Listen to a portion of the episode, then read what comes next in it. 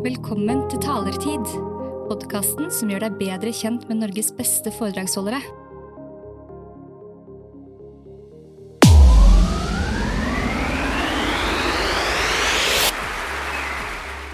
Wow. Mohammed Abdelkader, Abdelkadir, du kom til Norge 13 år gammel. Fortell om ditt første møte med dette kalde landet vårt. Første dagen på VGS eh, på Hartvig Nissen skole, så husker jeg veldig godt at kontaktlæreren min sa at uh, Mohammed og resten får å ta det selv. Så siden da så har jeg jo ikke sant opplevd uh, ulike hva skal jeg si, meninger angående mitt utseende, mitt navn, kultur, religion osv. Men mitt første, første, mitt første møte med, med Norge var snø rett og slett, fordi jeg husker veldig godt at det var mars 2002. Eh, jeg var ikke så godt kledd som jeg er nå til dags, eh, men også det å se et par kjærester som kliner med hverandre, Oi. det var veldig nytt eh, for meg også. Jeg husker veldig godt at jeg ble satt ut og spurte pappa på vei til der vi skulle, er det sånn, er det sånn man kan se i Norge? Fordi det var jo selvsagt umulig å se det i hjemlandet. Fortell litt om hva du da kom fra eh, i Somalia. Ja, jeg husker jeg har hatt eh, bra barndom, eh, det må jeg si. Men så vet vi jo veldig godt at eh, det har vært krig i Somalia. Eh, det har vært statsløshet siden 1991. Og mange klaner har jo gått til hverandre med krig, og det var jo årsaken til at mange av oss i dag fra Somalia bor i Norge, og vi er jo over 43 000 somaliere. Mange av de kom som flyktninger, andre som eh, en altså innvandrere til Norge på, på grunn av ulike årsaker, men det var jo rett og slett at landet ble ødelagt. Og etter at du da så dette paret som klinte, og du 13-åringen med store øyne, fortell litt om, eh, om ungdomsårene dine og hva som skjedde videre. Ja, en, eh, jeg husker eh, etter det så har vi bosatt oss på uh, Oslos beste østkant, nemlig Holmlia. En, det var jo eh, veldig tøft, altså miljømessig, men samtidig så var det jo veldig flott og fantastisk, fordi det var veldig mye brotherhood eh, om brorskap og holde sammen, og husker veldig godt at det, at det, var store familier som bodde ganske trangt og lite økonomisk. Derfor er jeg også veldig opptatt av det sosioøkonomiske forhold eh, i forhold til å vokse i Norge, for jeg mener det er jo det viktigste eh, vi kan gjøre for å da minske gapet mellom disse ulikhetene. Og eh, altså når, det ta, når, det kommer, når, det kommer, til en videregående skole, så har jeg jo begynt på Oslos beste vestkant, på Hartvig Nissin skole. Hva var bakgrunnen for det?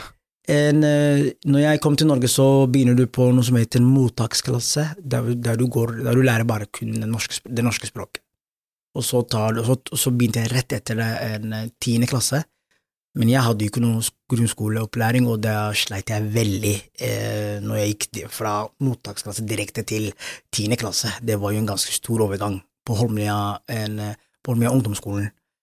Og så måtte jeg ta to år ekstra for å da eh, lære om grunnskolen, og da gikk jeg på Holte VGS. Og det gjorde jeg bra. Jeg husker veldig godt at eh, jeg eh, var eh, skoleflink, og kunne jeg da velge en eh, VGS. Og da, når læreren min da så at jeg hadde da de gode karakterene som skulle til for at jeg kunne begynne på en bra VGS, så har hun gitt meg eh, forslag til de beste skolene, og da var, husker jeg veldig godt at det var Katedralskole, og Hartvig Nissen skole var en av de beste da, da det var i 2006. Og da valgte jeg selvsagt eh, Hartvig Nissen skole. Du gikk for gull? jeg gikk for gull, og, og det, jeg kom inn på, inn på, gull.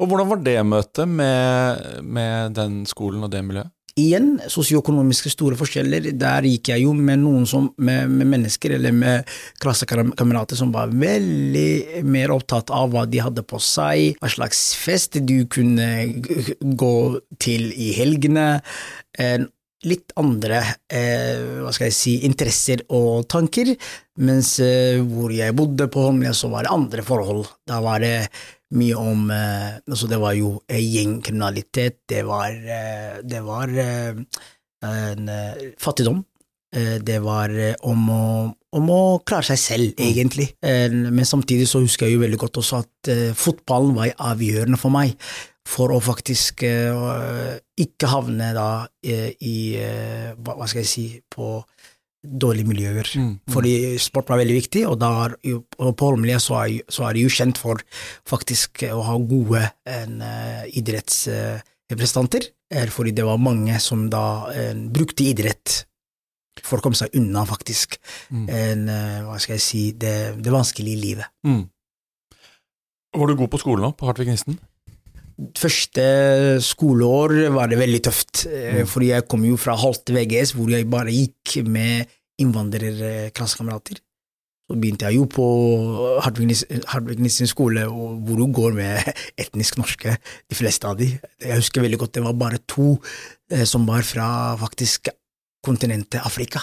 Mm. Så jeg var veldig, hva skal jeg si, kjendis også, ikke sant, eh, på, på, på skolen husker jeg veldig godt. Og så var jeg jo også to år eldre enn de som gikk på da VGS.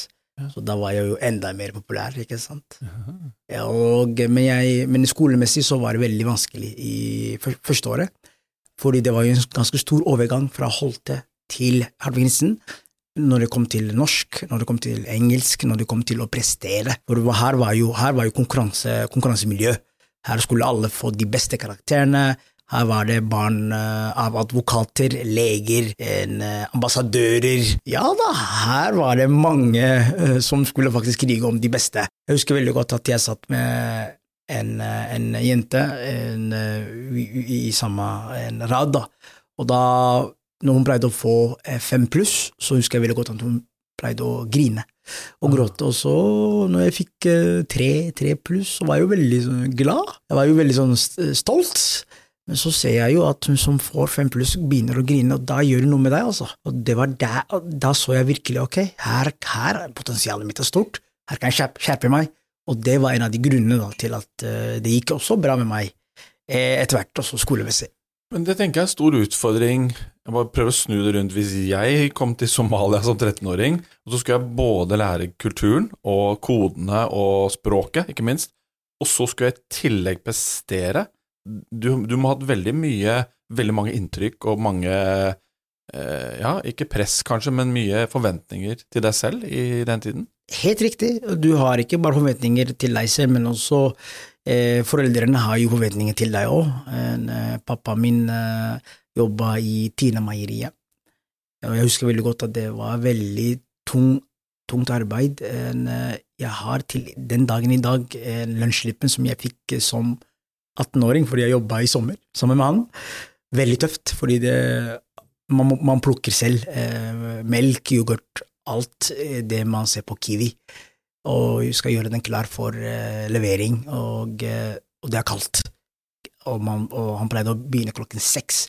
Så han pleide å reise fra da eh, Holmlia ca. litt over tre, for å være da på Kalbakken. En, og, og, det å ha en far, en eh, far som da står på, da, og som virkelig viser veien, da, ikke snakk om det, men viser veien at eh, ok, her må man stå på, her må man jobbe, her må man virkelig eh, være, være i fokus. En, eh, var jo avgjørende for meg òg, igjen, det var noe som har påvirket meg da, en, når det kom til en eh, hardt arbeid. Og mamma var hjemmeværende, eh, hun gikk på selvsagt norsk kurs, men ikke så mye mer enn det, for vi var jo hele åtte i familieflokken.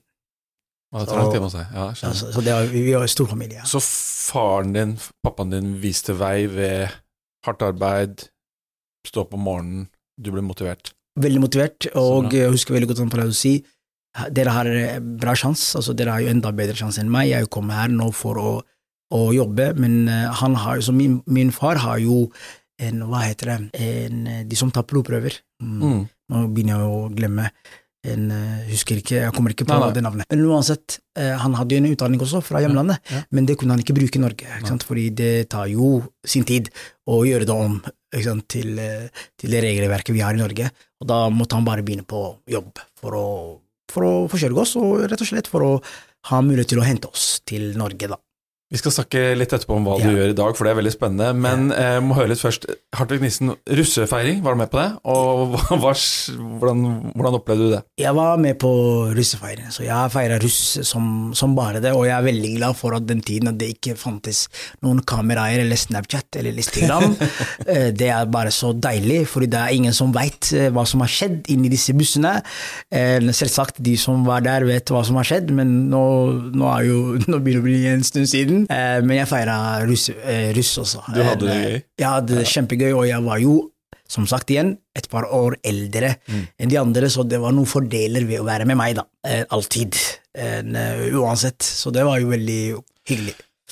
Er det noen ting fra de første årene som du husker som har gjort spesielt inntrykk på deg i møte med norske samfunnet, med norske lærere, med si, norske myndigheter? Er det noen ting du Norske lærere.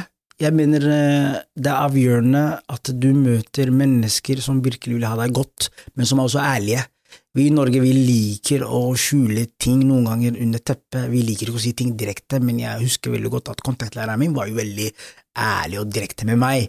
En, eh, første, første skoleåret på Hartvig Nissen så sleit jeg jo litt med motivasjon, og, eh, og jeg, jeg klarte ikke å følge med. Og da husker jeg veldig godt at hun kalte meg inn en dag og sa hun, Mohammed, du er muslim, du heter Mohammed, du har annerledes bakgrunn, og hvis du ikke blir flink i norsk, og hvis du ikke får deg en skikkelig utdannelse, du kommer til å slite, virkelig.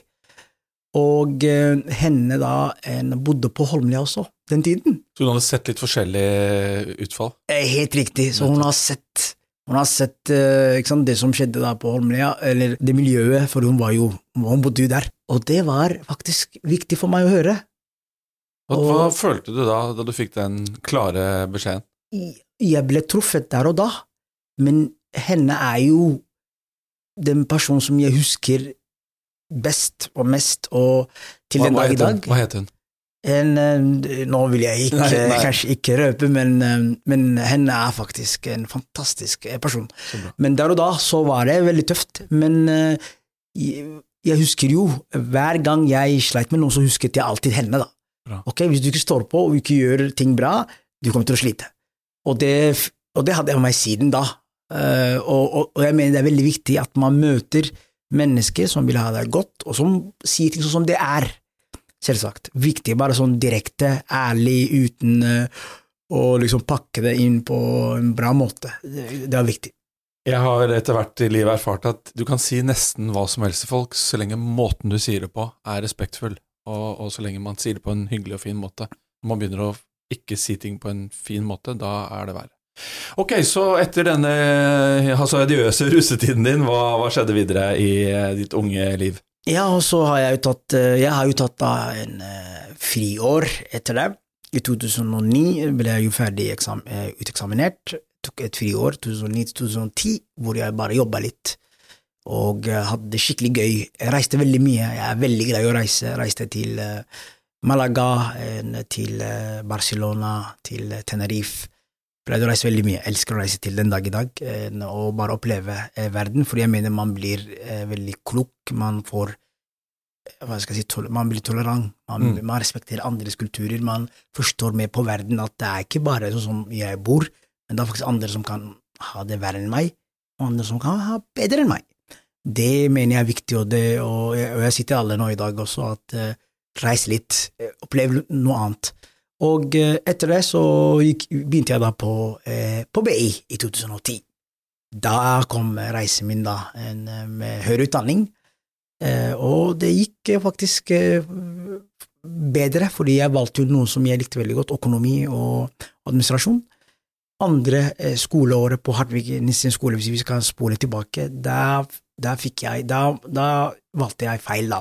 Fordi i, em, i innvandrermiljøer så er det veldig kult å enten gå på lege eller ingeniør eller ikke sant, fordi det er jo status, det er makt, det er penger. Ali-yrkene kaller det. Ali-yrkene, Advokat, lege, ingeniør. Det er helt riktig, Ali-yrkene. Og, eh, og pappa jo anbefalte det, da.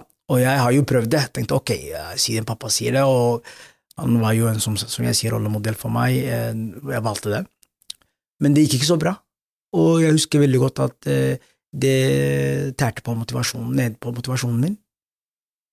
Og så igjen, da, kontaktlæreren min kom til unnsetning igjen. Hun sa ja, ble litt flink, og så Mohammed, nå skjer en dytt her, hva, hva skjer? Sa jeg, men jeg har valgt disse fagene, og jeg er ikke så glad i de. Så sa han ok, da kan vi bytte. Men jeg visste ikke det, at man kunne bytte. Det visste jeg ikke, jeg trodde at man velger noe, så var det sånn done forever. Men det var ikke det. Så sa hun ja, men dette kan du bytte, og så har jeg bytta til eh, fag som jeg kunne beherske innenfor økonomi og sånt, da, og da gikk det bra igjen på skolen. Og så har jeg bare bygget på det videre. Så det å, igjen å ha en eh, god rådgiver, enten fra en familie sin side eller skole, skolen sin side, det, er, det skal ikke man ta lett på. Det er faktisk veldig viktig at vi satser på en eh, gode lærere. Gode lærere. Jeg heier på dem. Ja, jeg, jeg må si det fra hjertet, og jeg, jeg er veldig glad i de òg.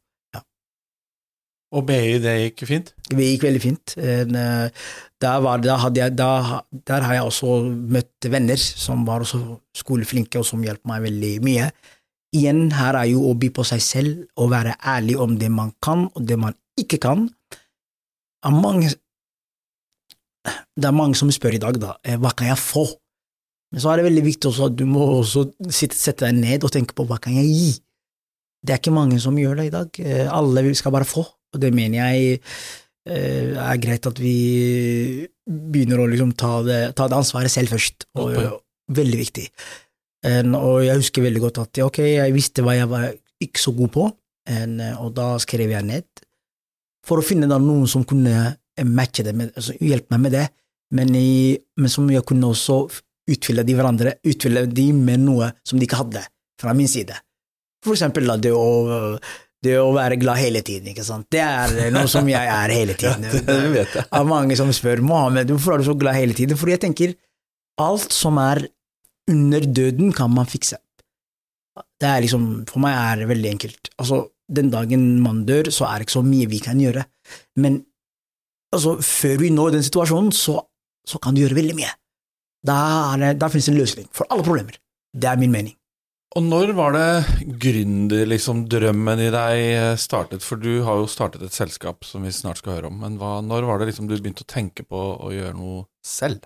Ja, Ikke sant? Altså, Jeg- eh, starte noe selv, mener jeg. Det helt riktig. Jeg har jo alltid, som sagt, eh, jobbet med forskjellige jobber. Jeg, jeg har jobba som tolk, jeg har jobba som drosjesjåfør, parkeringsvakt, eh, butikkmedarbeider. Jeg har jo hatt ulike jobber, og har, sett, og har jo alltid utfordret meg til å gjøre nye ting. Og det er viktig igjen. Ta, ta ansvar selv.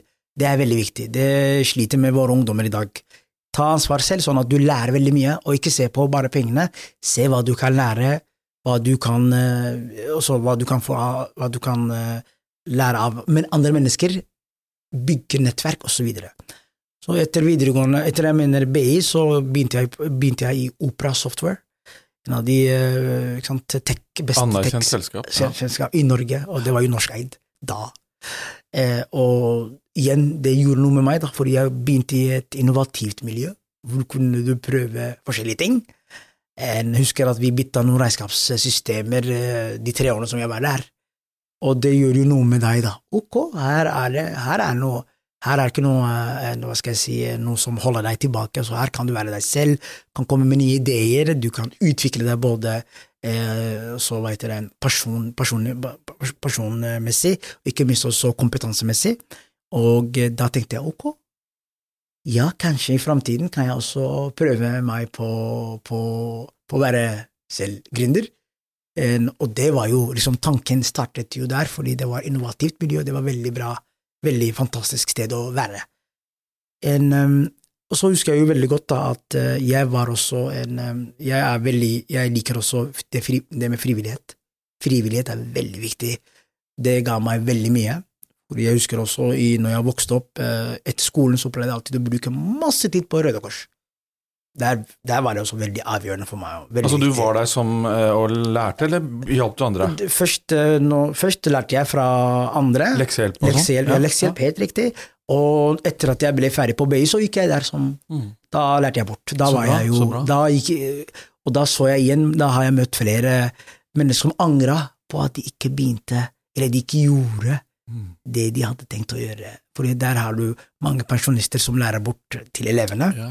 Og så prater du med forskjellige mennesker igjen. ikke sant? Bygge nettverk, møte andre mennesker er veldig viktig. Ikke sant? By på deg selv, da. Så det jeg gjorde, var å spørre dem hei, hvis du skulle ja, gå tilbake 20 år, eller gjøre noe med livet, hva hadde du hva hadde du gjort da? Og da sier mange skulle ønske at jeg gjorde noe som jeg likte, som jeg ikke faktisk turte å starte. Men det gjorde du, for det må vi snakke litt om. Da. Ja da, men det gjorde jeg, vet du. Fortell om hva du gjør i dag, for det er et veldig spennende og viktig prosjekt som eh, du jobber med. En, eh, takk, takk. En, eh, jeg jobber med, jeg er daglig leder og medgründer i et selskap som heter Digna. Digna står for digitalisering, inkludering, gründerskap, nettverk og arbeid. Og årsaken igjen da, til at vi begynte med, med Digna, var jo sos- sosioøkonomiske forskjellene, ulikhetene, for å minske den. Vi er et sosialinnovativt selskap eh, som eh, forenkler den statlige informasjonen til de minoriteter på ulike språk og på ulike metodikk, for eksempel da videointeraksjon. Fortell hvem Digna er laget for. Digna er laget for folk, uansett om du er eh, altså om du, om du kom til Norge som arbeidsinnvandrer, eller om du kom til Norge som flyktning, så trenger du disse, denne informasjonen. Jeg verdsetter kunnskap overfor alt, og for å da minske gapet igjen, da, så er det veldig viktig at du får informasjonen fra, fra eh, riktig kilde. For jeg husker veldig godt, eh, når du, er, når, du kom til kommer til Norge, så kan det hende at du får tips og triks fra din familie, nære venner, og da kan det hende at det ikke kanskje er så eh, riktig opplysning, fordi kanskje de har bodd i Norge lenge, de ikke har lyktes, kanskje det, de, de, tror, de eh, tror at Norge ikke er et land hvor du kan gjøre det bra, fordi de har jo hatt kanskje vonde opplevelser med det norske offentlige systemet, men det vil jeg ikke at det skal påvirke deg. Så jeg vil at du skal ha en objektiv mening om det norske samfunnet, som jeg mener gjør det veldig bra eh, for de som kommer til Norge, men informasjonen, hvordan den, den er beskrevet eller den er på, er, er faktisk ikke for alle. Den inkluderer ikke alle. Det kjenner jeg veldig godt til. Jeg hjalp en kvinne i mitt nabolag som var fra Tsjetsjenia, med å forstå et brev som hun hadde fått tilsendt fra det offentlige Norge. Eh, Og jeg ser på meg selv som en ganske oppegående person. Eh, Det var tre siders brev, og jeg forsto nesten ikke hva som sto der. Og hun var veldig fortvilet, for det handlet om hennes jobb og hennes jobbmuligheter. Men til slutt så fant vi ut hva det var, og det gjorde at hun kunne få lov å eh, være sykepleier i Norge. For det hadde hun opprinnelig ikke fått lov til. Og selv hun, for hun var utdannet sykepleier i hjemlandet sitt. Eh, Og jeg kan bare tenke meg eh, hvor store problemer andre møter. Kan du gi noen eksempler på hva slags type informasjon som finnes i Digna, som da eh, kan komme til nytte for minoriteter og flyktninger og innvandrere? Ja, en navigasjon, for eksempel hvis du skal fylle ut skattemelding, hvordan gjør du det? Det er ikke mange som kan det, selv om jeg og deg er veldig oppegående og har gjort det bra sånn sett, men eh, det Jeg tror er mange vel- sliter med det uansett hvor de kommer fra. hvor de kommer fra, ikke sant? En, eh, og så må vi vite også at når du kommer til Norge og du har annerledes bakgrunn, så er det noen ganger at du ikke har tillit til myndighetene, Ja. fordi fra, ikke sant, fra, på grunn av din bakgrunn. Det gjør noe med deg da, igjen i møte med eh, det norske offentlige systemet, fordi her, her, her har vi jo ganske bra tillit til det norske offentlige systemet, og vi betaler Kanskje litt for høy noen litt ganger. For høyt, helt Ja, riktig. ja. Og, og, men sånn som meg, som har litt annerledes bakgrunn, så kan jeg, så jeg kan tenke dette er for mye. Hvor skal jeg betale skatt, egentlig? Hvor? Alle disse spørsmålene er greit å få svar på. At ja, vi- du får skoletilgang, det er gratis, ikke sant. Det er jo en del ting som er gratis, som offentlig tilbyr til oss, ikke sant, og viktig at vi forteller det. Vi kan ikke bare ta det at det er selvsagt at alle skal få vite det bare fordi vi bor i Norge. Vi må gi den informasjonen. Men det er jo mange forskjellige nasjonaliteter, og det er jo veldig mange norske kontorer. Kan Digna dekke Hvor mange nasjonaliteter eller språk dekker dere i dag? Vel, vi, I dag vi har eh, somalisk, vi har arabisk, vi har eh, polsk, tigrenja. Så vi vokser med for, stadig flere språk. Men her kommer, du, eh, det, det innovative da med Digna. Nemlig det å systematisere disse opplysningene. Fordi hvis du, eh, hvis du kommer til Oslo, så er du veldig heldig, for her i Oslo så er vi veldig Det er jo mer mangfold i Oslo, det er mennesker som du kan få hjelp av. Men for eksempel, la oss si du blir bosatt i Bodø, eh, og du kom som kvoteflyktning. Norge tar imot eh, 2000 kvoteflyktninger per eh, statsbudsjett per nå, men i fjor var det 3000. Og så har du ikke noen venner eller mennesker som kan hjelpe deg, da. Og du ikke vet hvordan du skal lykkes i det norske samfunnet. Her kommer Digna inn. Her kan du få korte videosnutter om de ulike uh, etatene, for eksempel, om Nav, hvordan de jobber, skatteetaten, hvordan de jobber, barnevernet, hvordan de jobber, på ditt språk, på ditt morsmål. Men hvordan får jeg vite om ding, da, hvis jeg kommer som flyktning til Bodø?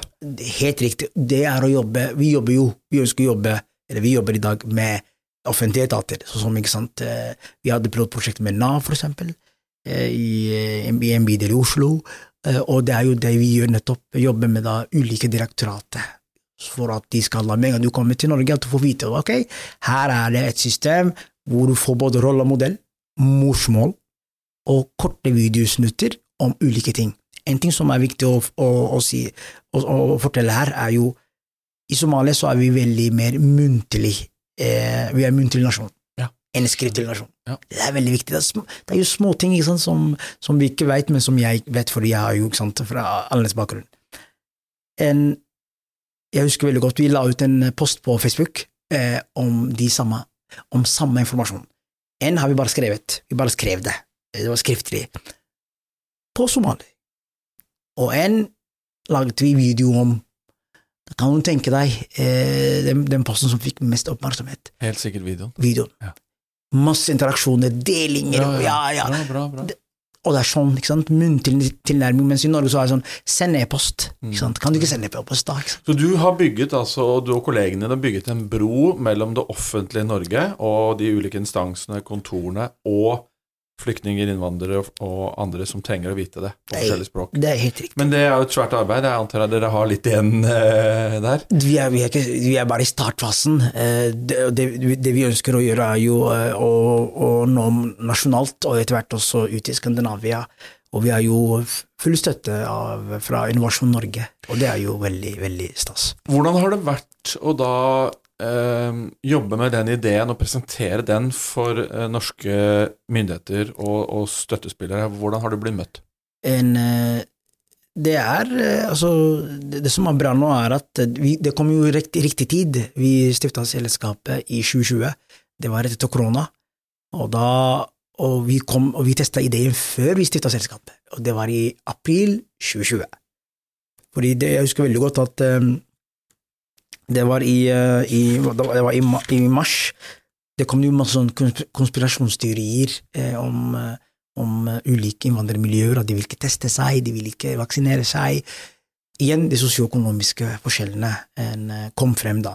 Og da mange, mange tenkte på ok, de vil, ikke, de vil ikke peke på hverandre og skylde på hverandre, og da tenkte vi ok, hva er det vi kan gjøre her, jeg og Abdi Malik, min tvillingbror, og vi begynte da The Twins Mindset Facebook-side, hvor vi da snakket somali for å dele riktig koronainformasjon, Ah. og samtidig snakke om ulike ting om samfunnet, både skatt, invitere eh, rollemodeller, en eh, Liban Farah, som var, da, som var da en eh, salgsdirektør i, eh, i, i, i VIPS, da pallet, pallet seg på seg. Vi har invitert blant annet tidligere statsminister Erna Solberg, vi har blant annet invitert på vår Facebook-side Nicolai Tangen.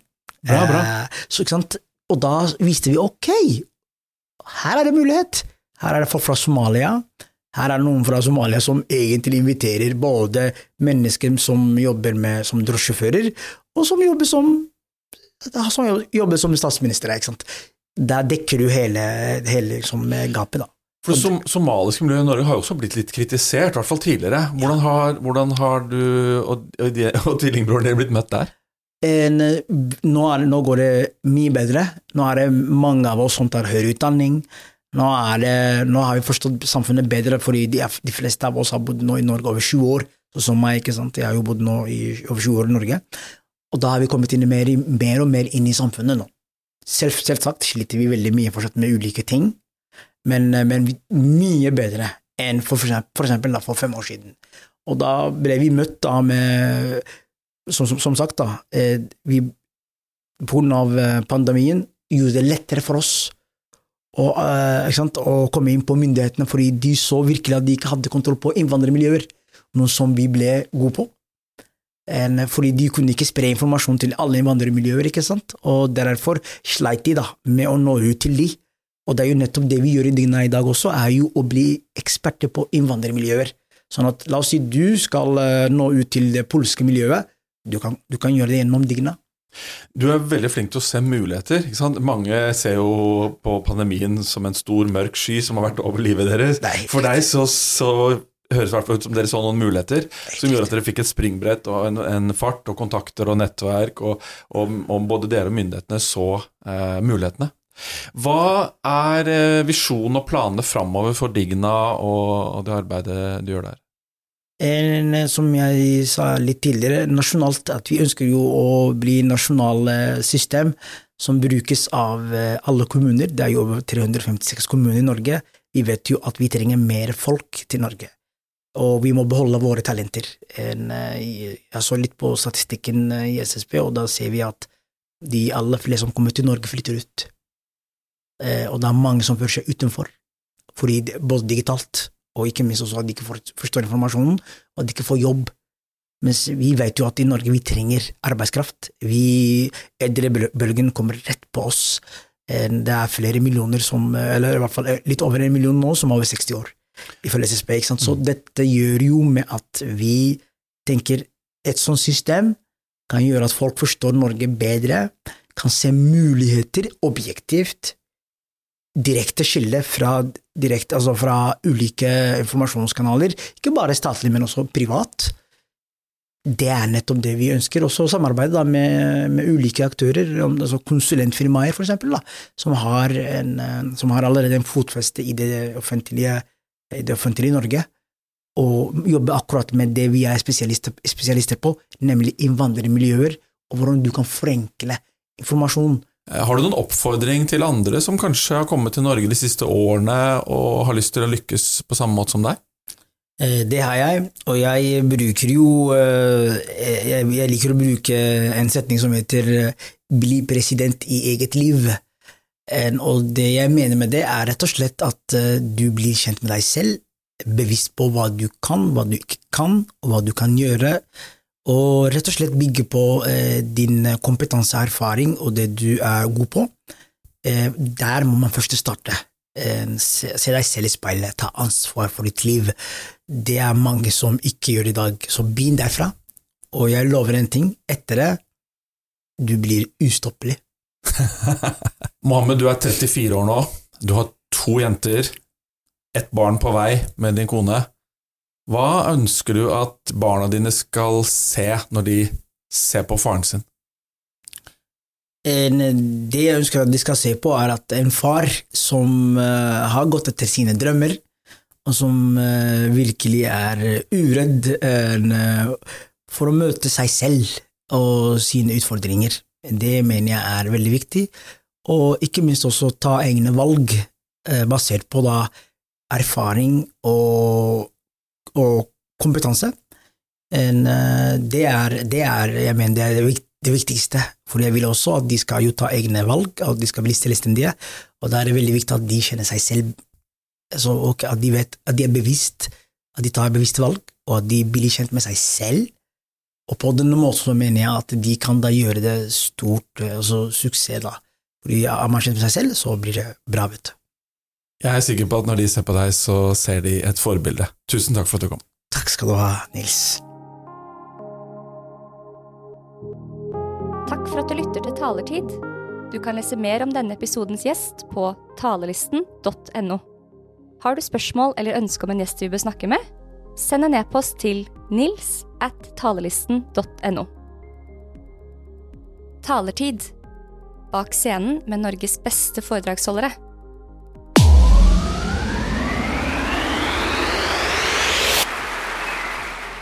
Wow